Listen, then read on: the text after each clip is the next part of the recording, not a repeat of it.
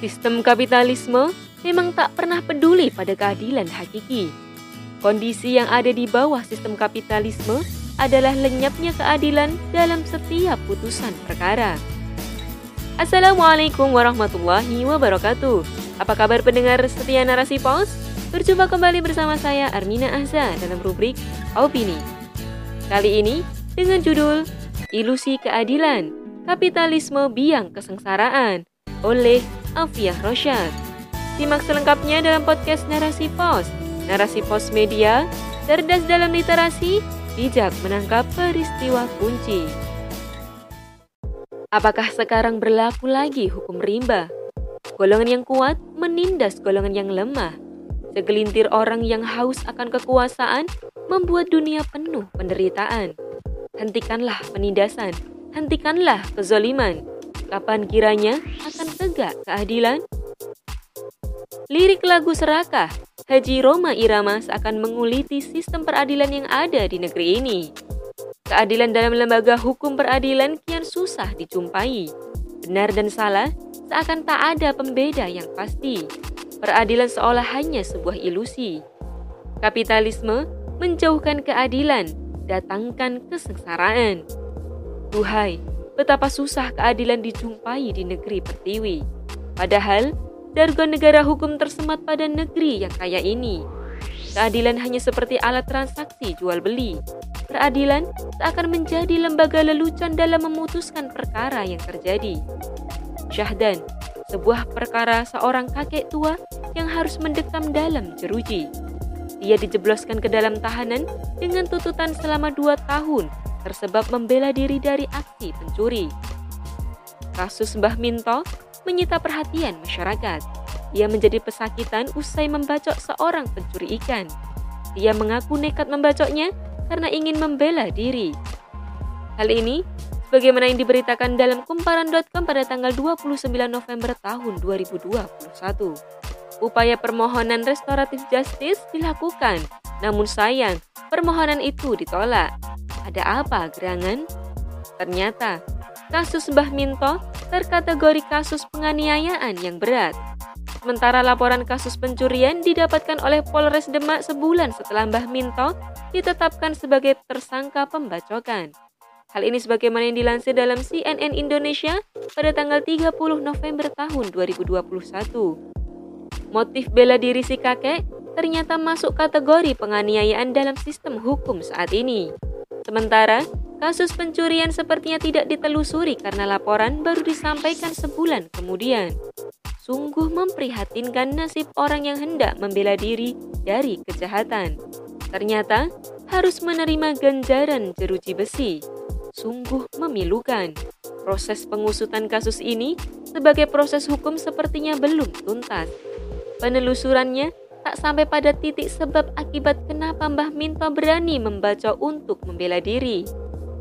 Ketidaktuntasan peradilan sangatlah wajar dijumpai di negeri ini.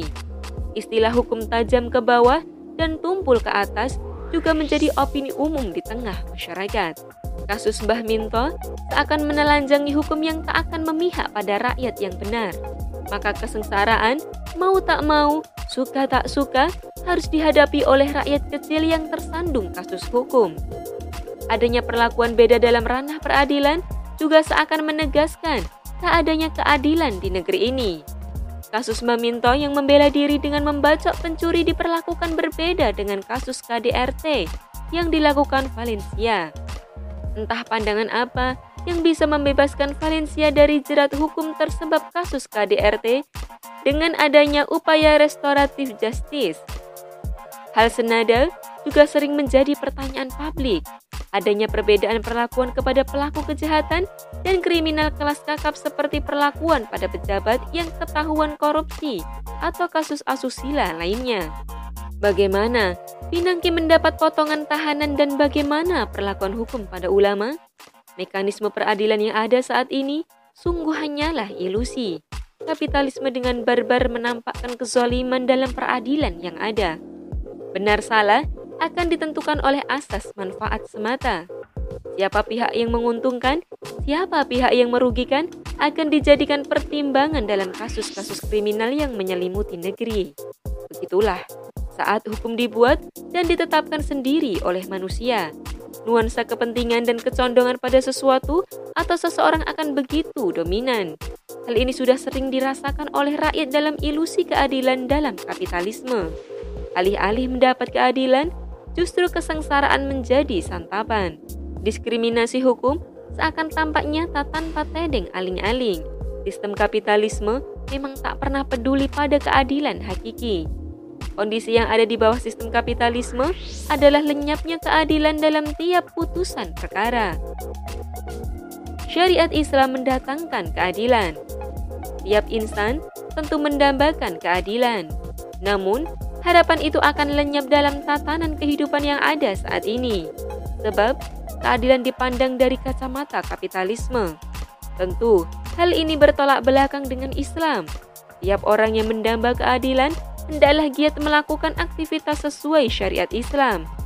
Syariat Islam bisa mewujudkan keadilan karena berasal dari Allah SWT. Sebagai seorang muslim, hendaklah yakin bahwasannya hukum Allah tanpa cacat celah dan terbaik. Sungguh, telah termaktub dalam surah Al-Maidah ayat 50 bahwa hukum Allah ini sempurna. Apakah hukum jahiliyah yang mereka kehendaki? Hukum siapakah yang lebih baik daripada hukum Allah bagi orang-orang yang meyakini? Jelas, ayat ini menggambarkan sebuah kebaikan hukum yang sangat layak diterapkan. Darinya terpancar keadilan karena Allah Maha Adil. Sementara keadilan itu adalah sifat yang melekat pada Islam. Hal ini telah tertuang dalam surah Al-An'am ayat 115. Allah berfirman, dan telah sempurna firman Tuhanmu dengan benar dan adil, dan tidak ada yang mengubah firmannya, dan dia maha mendengar, maha mengetahui. Tentu saja, Keadilan ini bisa dirasakan saat sistem hukum Islam diterapkan dalam sebuah institusi negara. Islam akan bisa tegak dengan kekuasaan. Kekuasaan yang dimaksud adalah kekuasaan yang meninggikan syariat Islam, menjunjung tinggi keadilan dan menolak kezaliman. Maka jalan meraih kekuasaan sangatlah penting. Sebagai penguasa dan penduduk muslim seharusnya berjuang menegakkan syariat Islam secara kafah dalam institusi negara sehingga keadilan bisa dirasakan oleh rakyat. Wallahu alam bisawab. Sekian dulu perjumpaan kita. Nantikan dalam opini-opini lainnya. Saya Armina Ahza, mohon pamit terlebih dahulu. Bunga Mawar Bunga Melati. Semoga khilafah Islamiyah tegak kembali. Barakallahu fikum. Wassalamualaikum warahmatullahi wabarakatuh.